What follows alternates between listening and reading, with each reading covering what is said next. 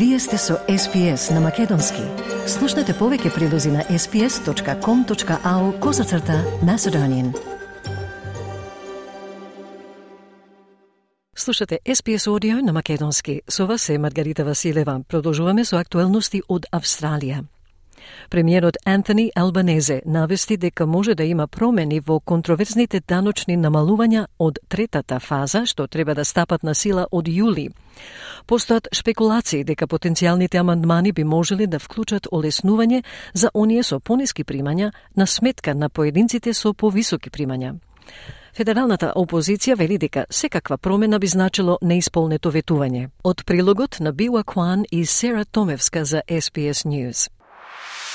Вашата заедница, вашите разговори. СПС на Македонски. Предложеното намалување на даноците во третата фаза првично беше законски донесено во времето на предходната коалицијска влада во 2018 година и треба да стапи на сила на 1 јули оваа година.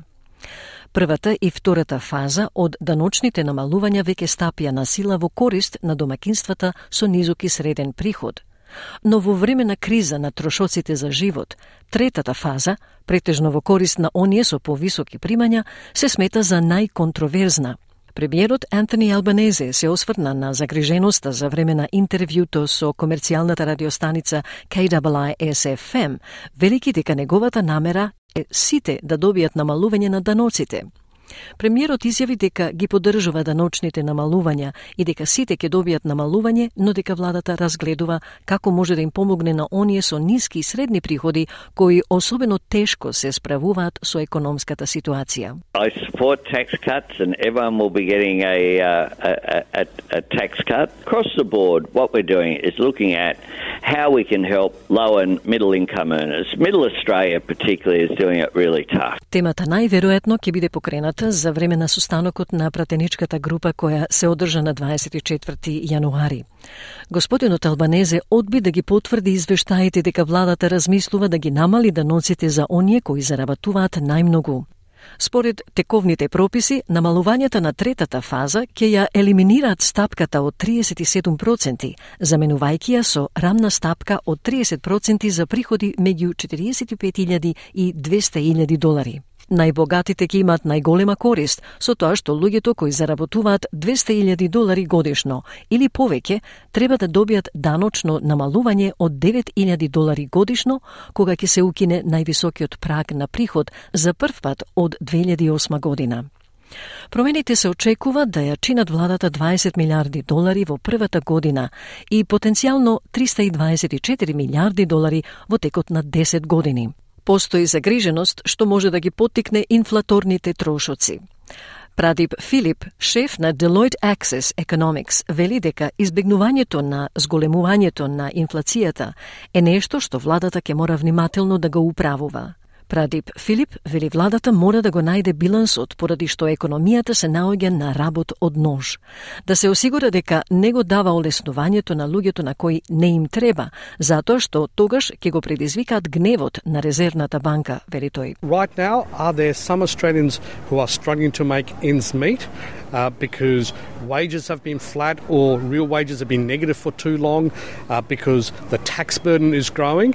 Uh, yes, there are Australians who do need cost of living relief. But at the same time, the government's got to balance that against the fact that the economy is on a knife edge.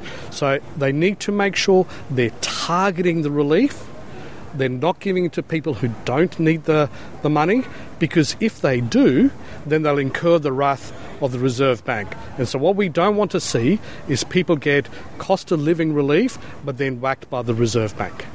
Постојат шпекулации дека еден начин да се намали големината на даночните олеснувања за побогатите поединци би било да се избегне подигање на највисокиот праг на приход од 180.000 долари на 200.000 долари. Економистот Крис Ричардсон вели дека тоа ќе изаштеди на владата 3,4 милиарди долари годишно. Исто така се шпекулира дека парите заштедени на врвот би можеле да се прераспределат на сите даночни обврзници со зголемување на прагот на ослободување од данок од 18.200 долари на 19.500 долари. Ричардсон вели дека тоа би можело да резултира со универзално намалување на даноците од 247 долари годишно. Законските даночни намалувања беа воведени за да се справат со она што владата го идентификува како bracket creep, кое се случува кога инфлацијата ги турка даночните обврзници во повисоки даночни категории или ја намалува вредноста на кредитите, одбитоците и ослободувањата. Bracket creep резултира со зголемување на даноците на доход без зголемување на реалната плата. Независната парламентарна канцеларија за буџет вели дека bracket creep има најголем ефект врз луѓето кои заработуваат малку над даночниот праг.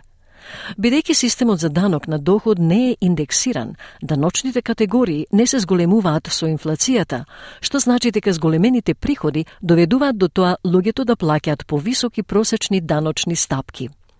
Прадип Филип вели дека верува у системот за данок на доход на вистина треба да се реформира и владата треба да размисли за структурни реформи.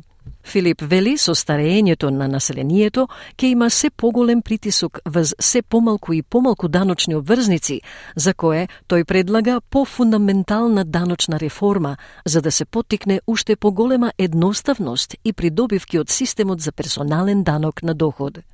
Филип вели владата треба да го префрли даночниот систем на поефикасни и поправедни даночни основи. The personal income tax burden has been rising and with an aging population that's going to be more and more pressure on fewer and fewer taxpayers. So we've got to engineer a tax mix switch. We have to move to a better tax base uh, over the medium to long run in order to raise the revenue that both sides of politics want to use to spend on really important things like health and education, the NDIS, and defence. So it's really important that we get more fundamental tax reform. We think that the government should go further than stage three, drive even more simplicity uh, and benefits from the personal income tax system, and switch it to other more efficient and equitable tax bases. Говорејќи за Каналот 7, портпаролот на опозицијското Министерство за финансии Енгес Тейла вели дека какви било промени на она што првично беше озаконето пред пет години ќе се смета за прекршено ветување за класачите откако лабористите се обврзаа на законскиот план за време на и по федералните избори во мај 2022 година. Тейла вели ова ќе биде мајка на сите неисполнети ветувања. This would be the mother of all broken promises.